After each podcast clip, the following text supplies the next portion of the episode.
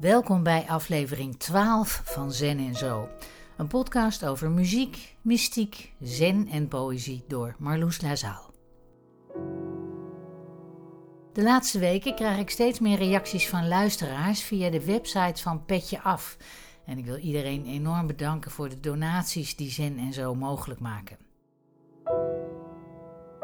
Vandaag is mijn gast een van de nieuwe zenleraren van Zencentrum Amsterdam, echtscheidingsadvocaat Julia Veldkamp. Ze kreeg in september 2018 transmissie van haar leraar Nico Tiedeman en verzorgt in het centrum onder meer de bijeenkomsten Ochtendmystiek op de eerste zondagochtend van de maand. Ik zocht haar op in haar praktijkruimte van Duurzaam Scheiden in Amsterdam.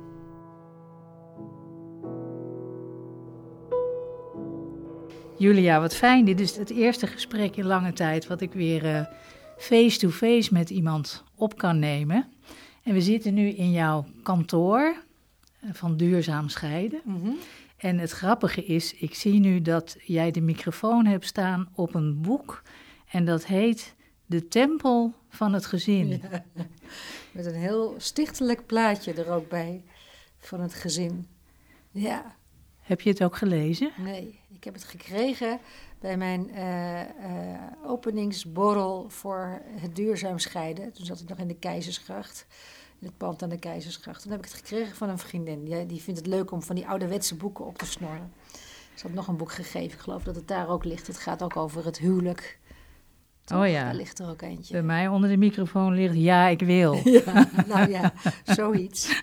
Maar ik heb het niet gelezen. Nee, ik heb veel boeken gelezen wel over het huwelijk en over uh, de liefde, maar dit boek niet. Nee, misschien ook wel omdat het een beetje erg braaf lijkt.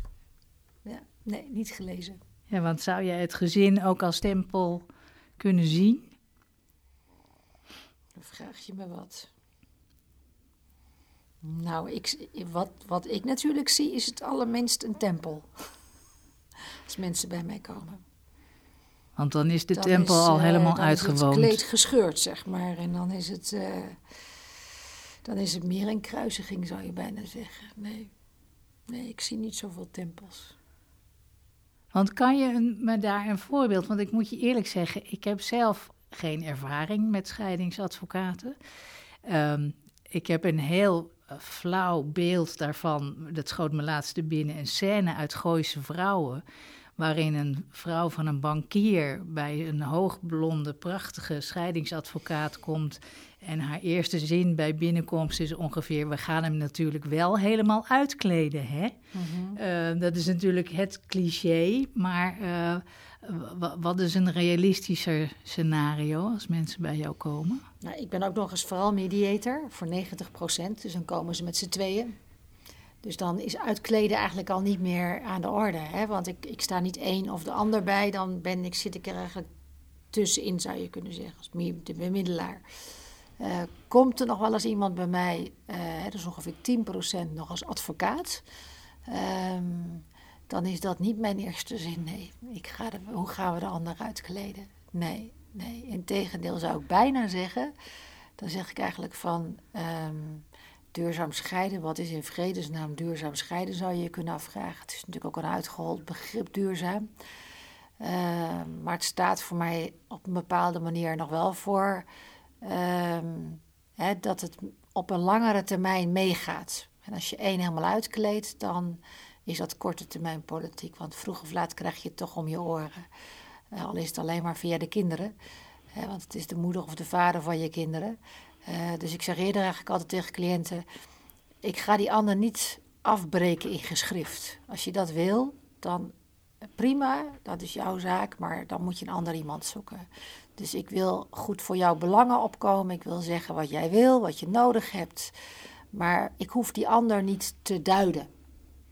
En dat doen natuurlijk veel advocaten in brief ook wel. Dan, ja, uw cliënt heeft dit en dat gedaan. En het is zelden waar. Het is zelden zo zwart-wit. En mag ik vragen, ben jij een ervaringsdeskundige als het om scheiden gaat? Ja, ja ik ben zelf ook gescheiden. Het is alweer een tijdje geleden, uh, eh, 2006. Ja, ik ben zelf ook gescheiden. En had je toen ook een goede advocaat? Ik heb het zelf gedaan. Voor ons beiden eigenlijk, min of meer. Oh, je, je was al werkzaam uh, als Ja, scheidingsadvocaat. We hoefden alleen maar het verzoek echt scheiding in te dienen. We hebben samen een convenantje gemaakt. En we hebben geen kinderen, we hadden geen kinderen. Dat scheelt natuurlijk alles. We hadden alleen een huis samen. We hadden allebei een inkomen, dus partneralimentatie, hoe hoefden we het niet over te hebben. Nee, dat was relatief eenvoudig. Ja, althans, de vermogensrechtelijke, zeg maar, afhandeling. Scheiding is, heeft altijd een, een, er zit ergens toch een, er zit een zekere tragiek in, maar dit was vrij eenvoudig. En maakte dat de pijn misschien ook nog iets makkelijker te Zeker, dragen? Absoluut. Laatst vroeg een, een vriend van mij, is filosoof, hij vroeg aan mij van wat maakt nou een scheiding makkelijk of moeilijk?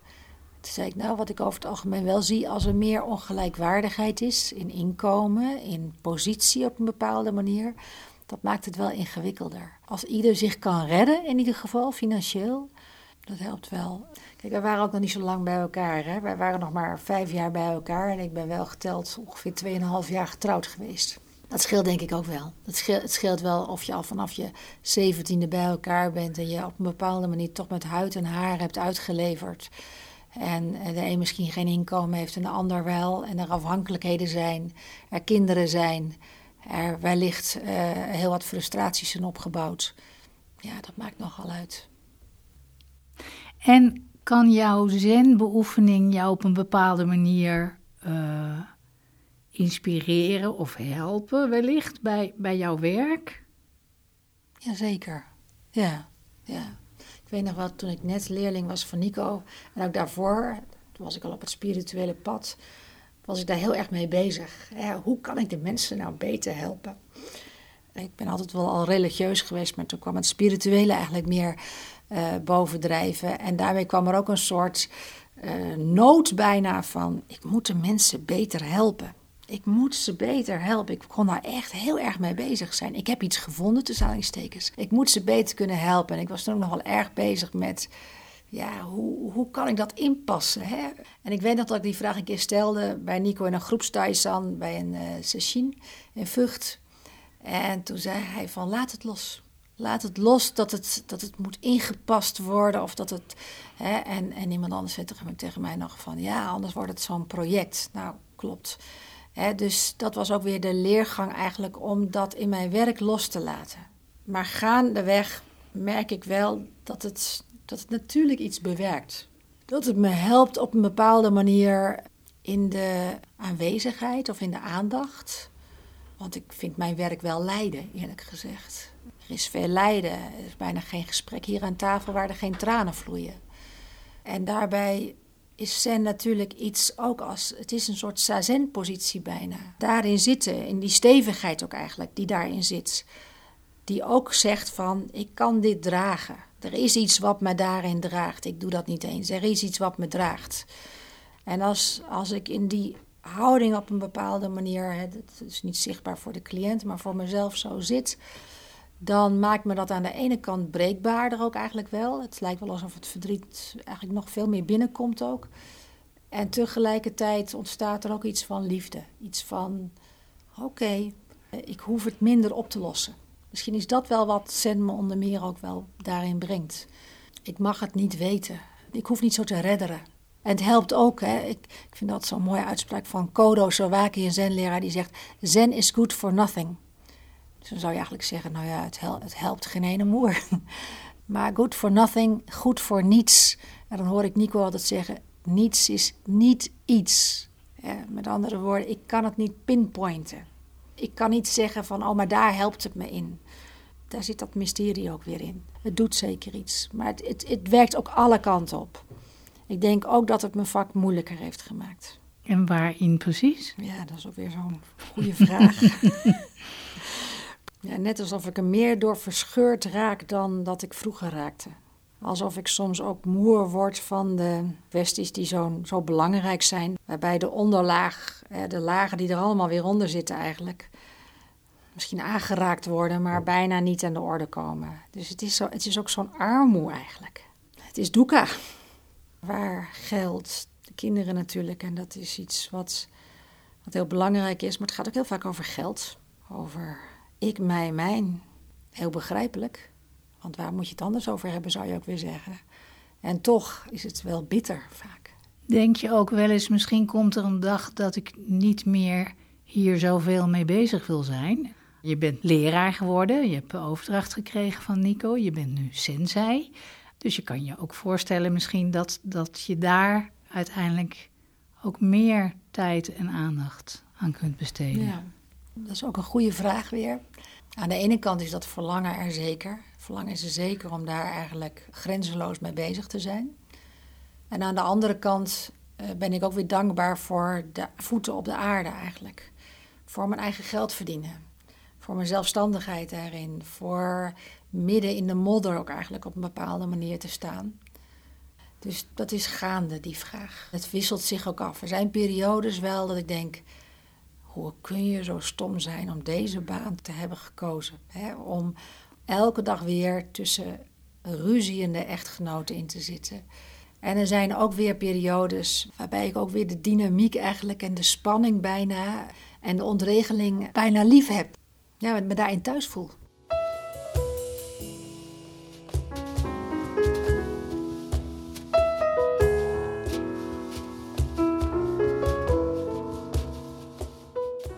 Het gaat om de relatie tussen haar werk en zen, wat heeft Julia dan vooral van haar leraar Nico Tiedeman geleerd? Ik heb van Nico enorm veel geleerd en ik leer nog steeds veel van hem, want hij is gelukkig nog steeds ook, uh, hij geeft nog onderricht. Ik las nog een mooi stukje in, want het is een van mijn favoriete boeken van hem, van Dans in het Duister. Waarin ook op een bepaalde manier zou je kunnen zeggen, de scheiding tussen zen en mijn vak eigenlijk op een bepaalde manier verdwijnt. En Nico schrijft bij uh, zijn inleiding, en dat gaat dan over niet weten. Terwijl ik alles zoveel mogelijk regel, is er een ontregeling gaande. En in die ontregeling echter ben ik mateloos geïnteresseerd. Dit is slechts vaag voor het oog dat zich uitsluitend richt op zekerheid van kennis, het berekenbare, het meetbare, het resultaat. Maar het is helder voor wie het onkenbare uit het kenbare ziet verschijnen ofwel voor wie het bestaan begint te schitteren als één groot ondergrondelijk mysterie. Wat ergens ook de fascinatie is in mijn werk, is dat ook dat ontregelende. Het is ontregelend. Een scheiding is extreem ontregelend. En mediator zijn is ook ontregelend. Want die mensen ontregelen mij eigenlijk ook weer. Want dat, dat, dat, we zitten elkaar te ontregelen, bijna zou je kunnen zeggen, als je niet uitkijkt. Het leven is ontregelend. Dat wordt in mijn gezicht geworpen. Uh, en daar ben ik op een bepaalde manier in geïnteresseerd. Ik denk altijd dat ik hou van de harmonie. En ergens is er dus ook, denk ik, toch iets in mij wat ook gefascineerd is door de ontregeling. En natuurlijk zou je kunnen zeggen, dit is de ontregeling in de, in de geest. Hè, dit is de ontregeling van het niet weten. Maar ik denk dat een scheiding ergens ook een groot niet weten is. Want je vroeg me van, wat heb je nou van Nico geleerd? En eigenlijk wordt dat heel mooi samengevat, vind ik, in dat boek Dans in het Duister, een proeven van spiritualiteit van Nico Tiedeman. Het eerste deel gaat over niet weten. Johannes van het Kruis citeert hij dan. Het tweede deel gaat over berouw, Levinas. En berouw is ook iets wat ik al, toen ik nog niet zo lang bij Nico ook zat, toen, toen had hij het een keer over berouw. En ik denk, berouw, dat ken ik toch uit mijn christelijke achtergrond, ook bij Zen verbaasde mij. En tegelijkertijd uh, greep het me ook bij de kladden. Ah, berouw. En ik ben er ook over gaan lezen, berouw. en berouw zag ik de erkenning van, ik kan dit niet. Uh, ik schiet tekort. En... Ja, dus dat moet ik niet verstaan als in schuld en boete en je, je bent zonder geboren en daarvoor ben je eigenlijk verplicht om überhaupt je hele leven berouw te tonen. Precies, nou dat, precies, dat, was de, dat was de connotatie van mij toch wel met berouw. Dat had iets van schuld en boete. Ik ben gereformeerd, vrijgemaakt, uh, maar gereformeerd opgevoed. En daar speelde schuld en boete een belangrijke rol. Dus bij berouw kwam ook inderdaad, toen Nico daar het over had, op van schuld en boete. En we hadden het daar ook toen over, weet ik nog, over wat is nou het verschil tussen berouw en schuld. En schuld slaat eigenlijk veel meer naar, naar binnen dat is, ik, ik, heb het niet goed gedaan. Terwijl berouw, als je zegt ik schiet tekort, gaat eigenlijk, je zou kunnen zeggen op een bepaalde manier is het ook niet meer persoonlijk. Het is bijna een onpersoonlijk ik wat dat zegt. Ik schiet tekort. Het is een heel mooi stukje, misschien mag ik het wel voorlezen over Meister Eckhart. Daar ben ik een groot fan van, van Meister Eckhart, mysticus. En hij zegt ook van er is tweeërlei berouw. Hij zegt het ene is tijdelijk of zinnelijk en het andere is goddelijk en bovennatuurlijk. En het tijdelijke, zegt hij, trekt zich aldoor omlaag in een grotere droevenis en maakt je tot een wanhopig, haast vertwijfeld mens. En zo blijft het berouw en ellende steken en komt niet verder. Dat levert niets op. Dat zou je kunnen zeggen is de schuld en de boete. Ik doe het allemaal verkeerd. Maar dan zegt hij heel anders echter, is het goddelijke berouw. Zodra je voelt dat er iets mis is, richt je je dadelijk tot God. En met al je wilskracht ga je over tot een eeuwige afkeer van alle zonden. Je richt je op in een groot vertrouwen in God en verkrijgt een grote zekerheid. Het gevolg daarvan is een geestelijke vreugde die de ziel omhoog tilt uit alle leed en ellende en haar vast aan God bindt. Daarom, wanneer je in gelovige aandacht tot God wilt gaan, is de eerste stap die je moet doen zonder zonde te zijn, krachtig het goddelijke berouw. En dan, wanneer het goddelijke berouw zich tot God verheft en daar volmaakt wordt, zijn alle zonden sneller in Gods afgrond verdwenen dan ik met mijn oog kan knipperen en ze gaan zo volkomen in niets op als waren ze nooit gebeurd. En eigenlijk uh, is dat ook niet verschillend op een bepaalde manier van berouw in zen. En berouw is dus iets wat ergens ook de bevrijding in zich kent. Dat is voor mij het verschil tussen berouw in, zoals ik het meegekregen heb, en berouw zoals Zen me het leert, maar zoals ook de mystiek me het leert. En het andere, het is een soort tritsjat, eten, bidden, beminnen, dat is een bestseller geweest. En dit is meer voor mij bidden, berouw en beminnen. Die, die trits eigenlijk. En het beminnen heeft hij me ook geleerd. In de zin van, in het boek heet het dan Dans in het Duister, bevrijdende communicatie. De bevrijding. De vreugde, de lach. Zoals Nico dat doet. Een check hier roken. Een whisky drinken. Niet dat het daar nou per se om gaat. Maar wel ja, de bevrijding van dit pad. Is jouw zin inclusief God? Ja. Dan is natuurlijk de vraag: wat bedoel je als je God zegt? Ik ben ook bij Nico gekomen door de mystiek. dus de mystiek bracht mij bij, Meister Eckhart bracht mij bij uh, Nico.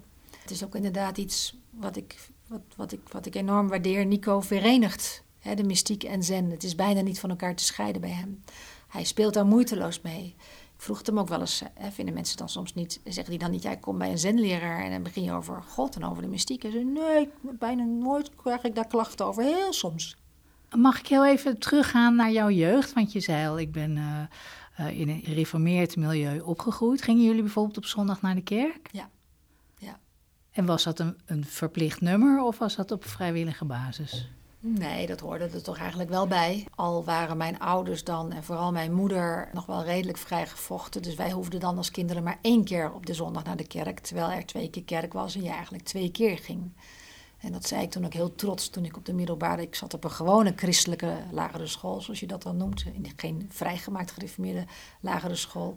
Dus op de middelbare school zei ik dan heel trots... ik hoef maar één keer op de zondag naar de kerk. En dan keken ze me eigenlijk meewarig aan. Zo van, hoe kun je dat nou, uh, hoe kun je daar nou trots op zijn of daar blij om zijn? Uh, dus wat dat betreft heb ik wel al jong meegemaakt dat, het, uh, dat ik eigenlijk ergens bij hoorde bij een traditie. Maar dat ik me er ook eigenlijk helemaal niet bij hoorde voelen. En hoe was de God van jouw jeugd? Was dat een strenge en straffende God? Of? Mijn ouders hebben me niet die strenge straffende God bijgebracht. En toch denk ik wel uh, dat die strenge straffende God uh, onbewust toch wel degelijk uh, meespeelde. Ja, was toch wel de God die, ook in van die kinderboekjes, die God de, die alle zonden zag. De zaak om waakzaam te blijven, zoiets. Ja, die zag alles, toch? Die zag alles. Ja, ik weet nog, ik had een raampje in, mijn, in, de, in de deur van mijn slaapkamer, waar een glasplaten, een glazen raampje. Wel, was wel matglas, maar ik dacht toch, ik moet daar een gordijntje voor hebben. Heb je dat gedaan? ja. ja. Hielp het? Nee. Nee. nee. Nee. dat was wel. Ik dacht wel dat hij niet door het gordijntje heen kon kijken. Ja. Ja. Ja, ja dat helpt dan toch een beetje. Ja. Ja. Ja. Maar ik, ik, dat herinner ik me wel. Ik lag best een beetje angstig uh, uh, s'avonds in bed met die gedachten. Ja, hè? ook al, als je iets verkeerd had gedaan, of ook als je niets verkeerd had gedaan. Ja, ook wel gewoon überhaupt het idee dat er iets of iemand was die je overal altijd kon zien. Ja, ja. Dus ik bedoel, ik heb die liefde ook wel meegekregen. Dat voelde ik ook wel. De geborgenheid van die God.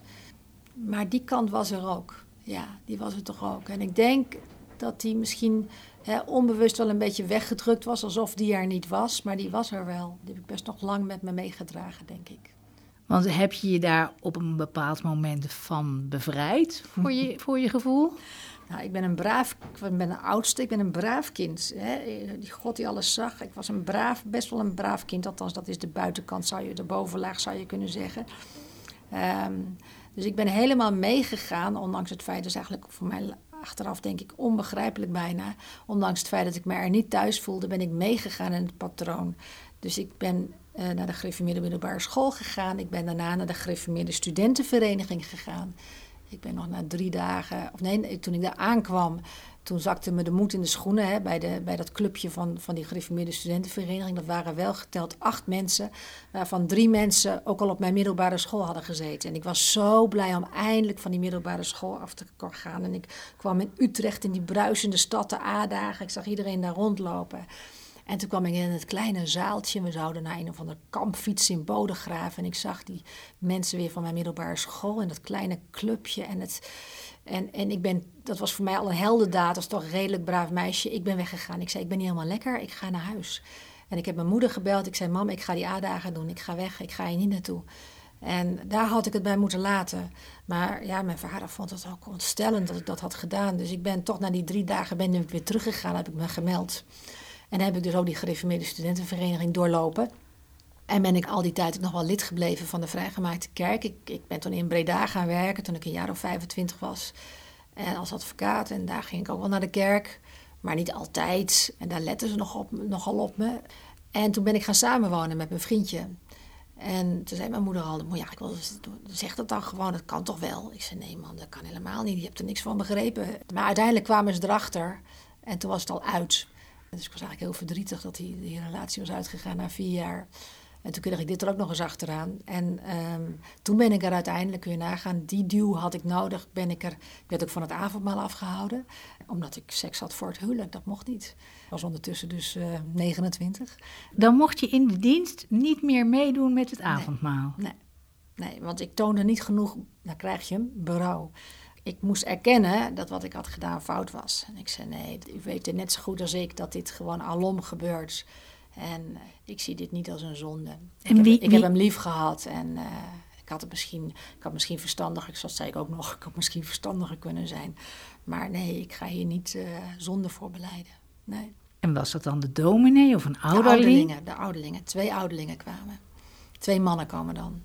En ja, ze vonden mij dus vrij volhardend in het niet beleiden van de zonde. En toen werd ik van het avondmaal afgehouden. Uh, dan word je ook voorgelezen dat je van het avondmaal wordt afgehouden. Echt dat is vreselijk eigenlijk. Hè? Te bedenken dat het nog maar 25 jaar geleden is.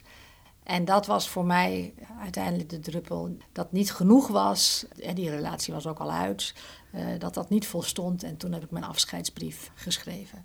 Ja.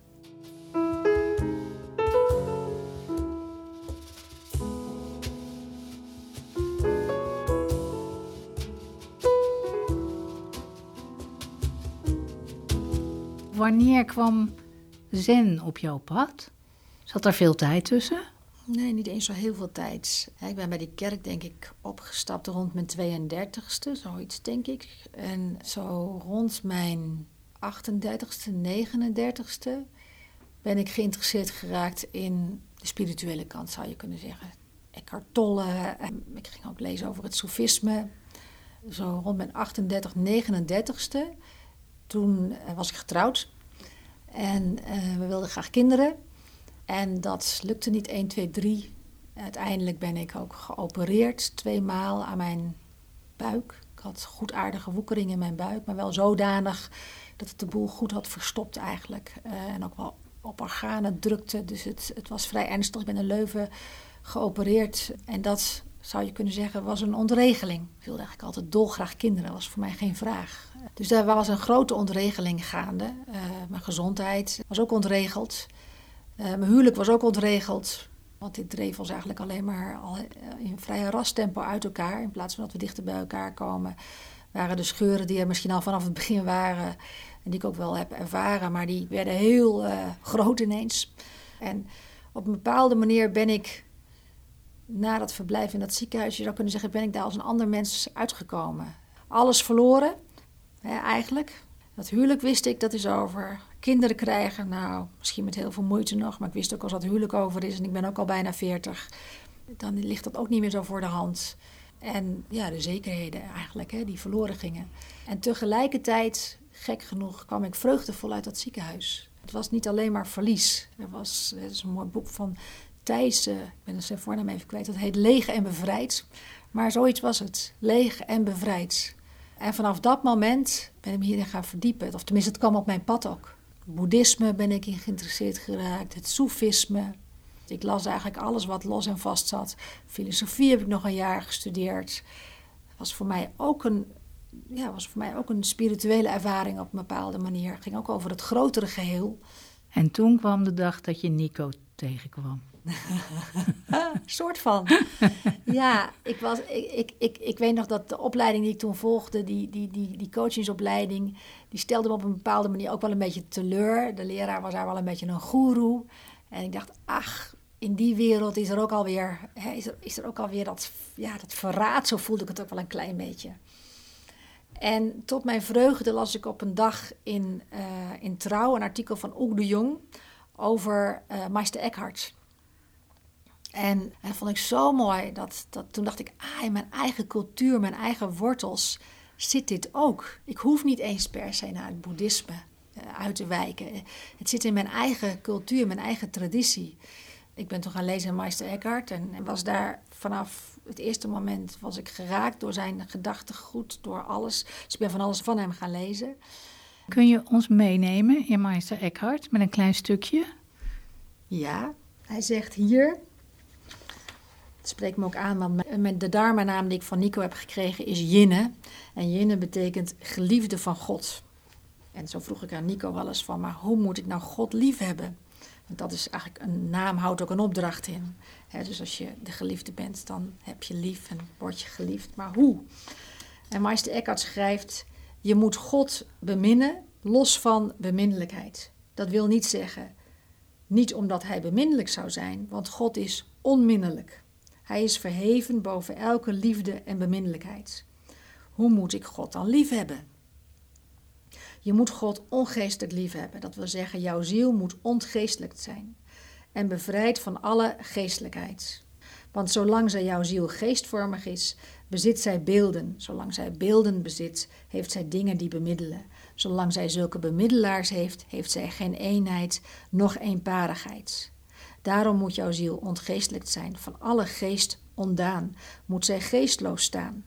Want heb je God lief als God, als geest, als persoon en als beeld, dat alles moet weg. Hoe moet ik hem dan lief hebben? Je moet hem lief hebben zoals hij is, en niet God, en niet geest, een niet persoon, een niet beeld. Verder zoals hij is, een puur, rein, louter één, afgezonderd van alle tweeheid. En in dat ene moeten wij eeuwig verzinken van iets tot niets. Prachtig. Ja. Nou, dat is een zentekst. Dat, ja, Meister Eckhart is zen. Van iets tot niets. En Meister Eckhart bracht me dus bij Nico, omdat ik door het lezen van Meister Eckhart me realiseerde: ik kan dit niet alleen. Waar hij het hierover heeft, ik kom er wel en ik kom er niet. Ik kan dit niet alleen. Ik heb hier een leraar voor nodig. En ik heb ook een sangha nodig, want ik knobbel het allemaal zo alleen uit. Maar het is ook wel een alleenig pad. En de naam Nico Tiedeman kwam ik al wel vaker tegen. En ook in het boek van Ook de Jong, dat is een verzameling van verschillende auteurs die iets geschreven hadden over Meister Eckhart. En daar was ook een bijdrage, stond ook een bijdrage in van Nico. Maar het punt was wel een beetje, ik was net op die weg van de mystiek, dus ik wilde niet per se een zenleraar eigenlijk. Maar ik had ook geen zin in een soort praatgroepje over de mystiek. Ik denk, dat is het ook niet. Dus ik had Nico al een keer een mail gestuurd, maar ik kreeg geen antwoord. En want ik dacht, ik wil niet eerst een intro volgen, ik wil meteen bij Nico. En een half jaar later, toen kwam dit weer op en toen heb ik gebeld en toen kon ik komen bij de groep van Nico. En zo, uh, zo klopte ik aan. En ik was verkocht, meteen.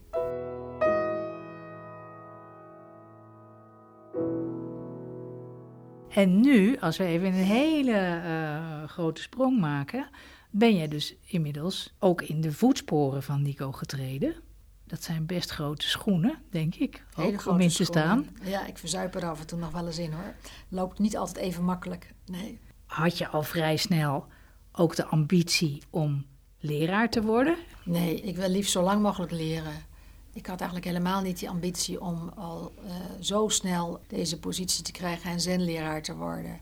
Nee, ik wist wel dat dit op een bepaalde manier mijn leven is. Mijn vrije tijd is zen en de mystiek. Met alle liefde doe ik dat. Dat, dat is totaal geen opgave. Dus daar was ik wel van doordrongen.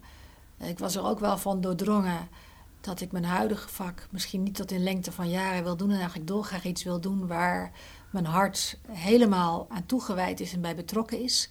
Maar ik was er niet op uit om leraar te worden, zo snel eigenlijk al. Nee, nee, daar was ik absoluut niet op uit. Maar was je dan zo'n goede student dat Nico zelf op een gegeven moment zei: Weet je wat jij moet doen? Je moet dus leraar worden. Nee, hij heeft me eerlijk gezegd wel een beetje overvallen. En ik denk ons allemaal wel een beetje.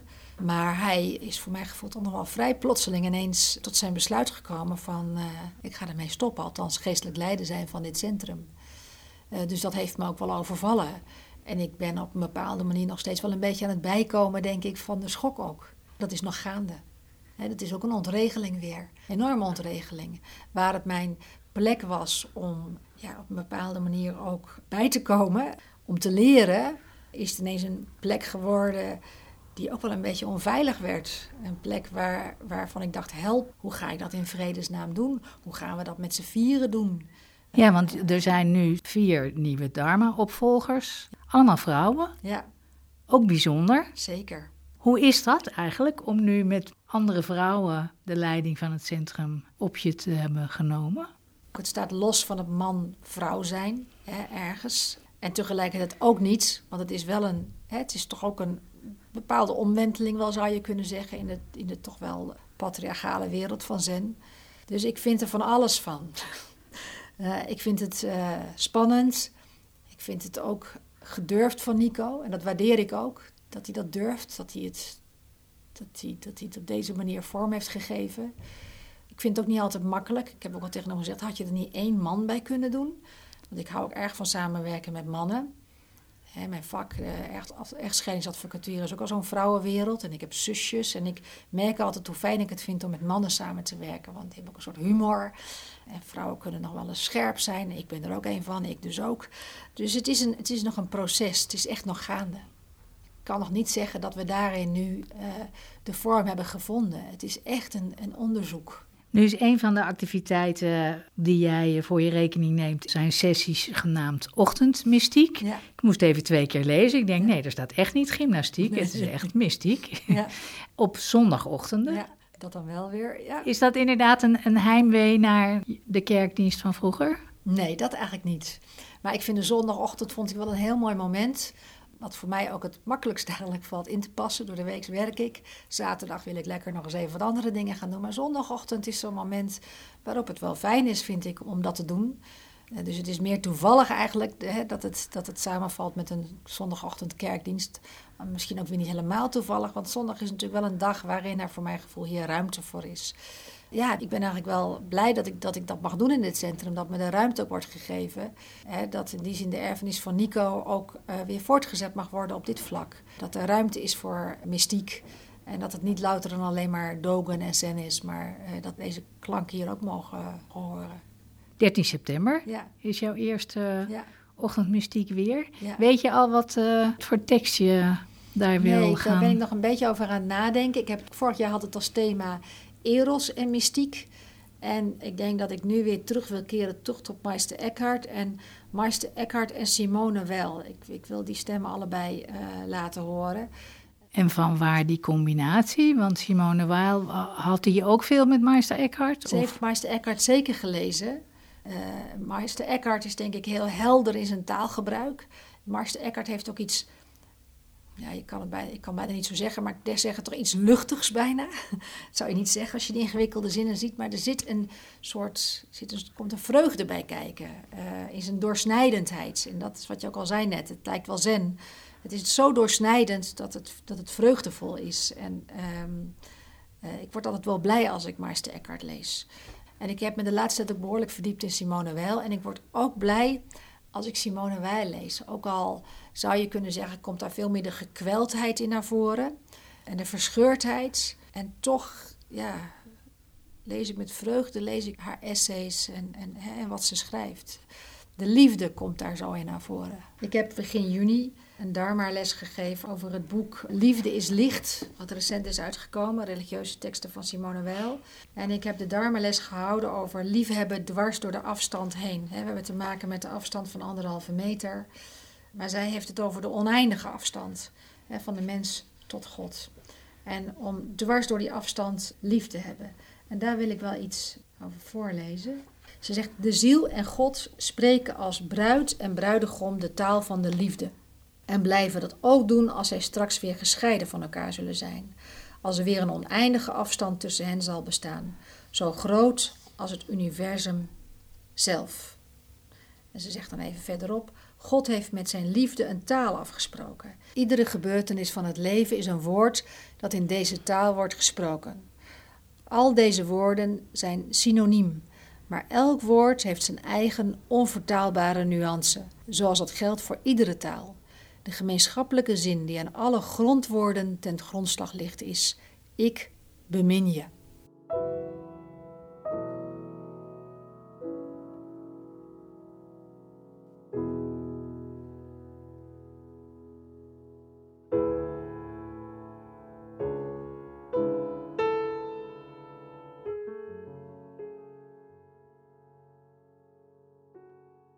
Tot slot vraag ik Julia wat de muziek is die ze veel geluisterd heeft in de afgelopen tijd. In het begin, toen dit net speelde allemaal, en, in maart, COVID, en mijn moeder was ook nog eens gevallen in maart op vakantie in Spanje. Dus het was een, een, een tijd waarin alles samen, zich samenbalde eigenlijk. En ik ben 6 maart, dat is de vrijdag voor de 13e maart dat mijn moeder viel, maar ook eigenlijk dat het hè, in intensiteit allemaal toenam en de maatregelen kwamen. Toen ging ik naar het concert van de Nederlandse Bachvereniging in muziekgebouw Het Ei. En daar speelden ze een stuk van Zelenka, Jan Dismas Zelenka. En het stuk heet Officium Defunctorum, een Tsjechische componist. En dat was prachtig.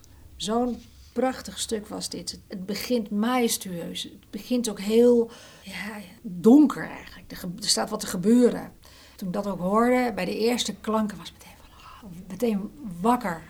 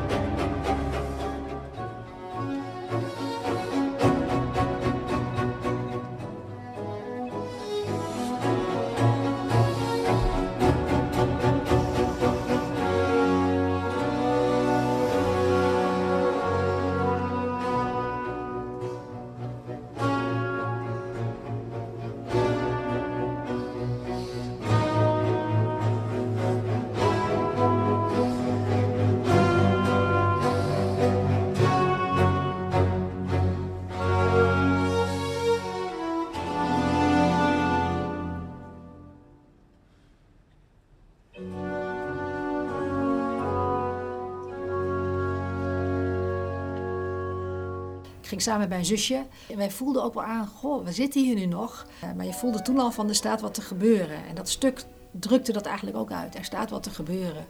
Dus nog geen week later begon dit allemaal. Uh, viel mijn moeder vrij ernstig in Spanje. Ik was daarbij. Ik was voor een paar dagen bij hun op bezoek. En ik heb daarna, in die tijd dat, dit allemaal, dat, dat het allemaal speelde, heb ik heel veel muziek van Selenka heb ik naar geluisterd. En ik ben al langere tijd fan hoor, van Selenka. Hij is ook een tijdgenoot min of meer van Bach. Het is prachtig.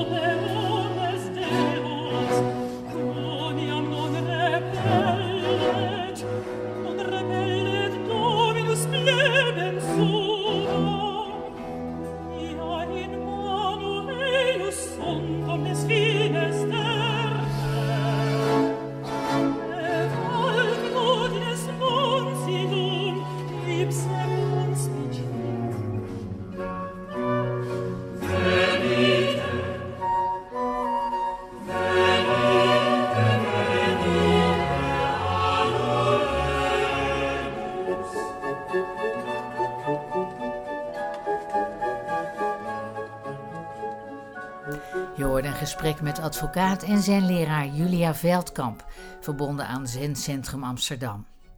Haar eerstvolgende ochtendmuziekbijeenkomst is op 13 september om 10 uur in het Zencentrum aan de Binnenkant in Amsterdam. Van tevoren opgeven is noodzakelijk en kan via de website zenamsterdam.nl. Daar vind je overigens ook de podcast over Simone Weil, naar aanleiding van het boek Liefde is Licht van Frits de Lange, gemaakt door Remco Pijpers onder het tabblad Blogs op die website dus. Mijn naam is Marloes Lazaal en als je het een fijn gesprek vond, geef dan je review en liefst 5 sterretjes in de podcast-app, zodat nieuwe luisteraars ons makkelijker kunnen vinden. En als je een kleine bijdrage in de kosten wilt geven, is er dus die doneerknop voor Zen en Zo bij Petje Af. Petje Af slash Zen en Zo. Mailen kan naar info.marloeslazaal.nl Binnenkort zullen de nummers De Stille Weg en Lied voor Lennart uit de zomeraflevering van Zen en Zo ook op Spotify te horen zijn. En houd daarvoor mijn Spotify-pagina in de gaten. Graag tot de volgende keer.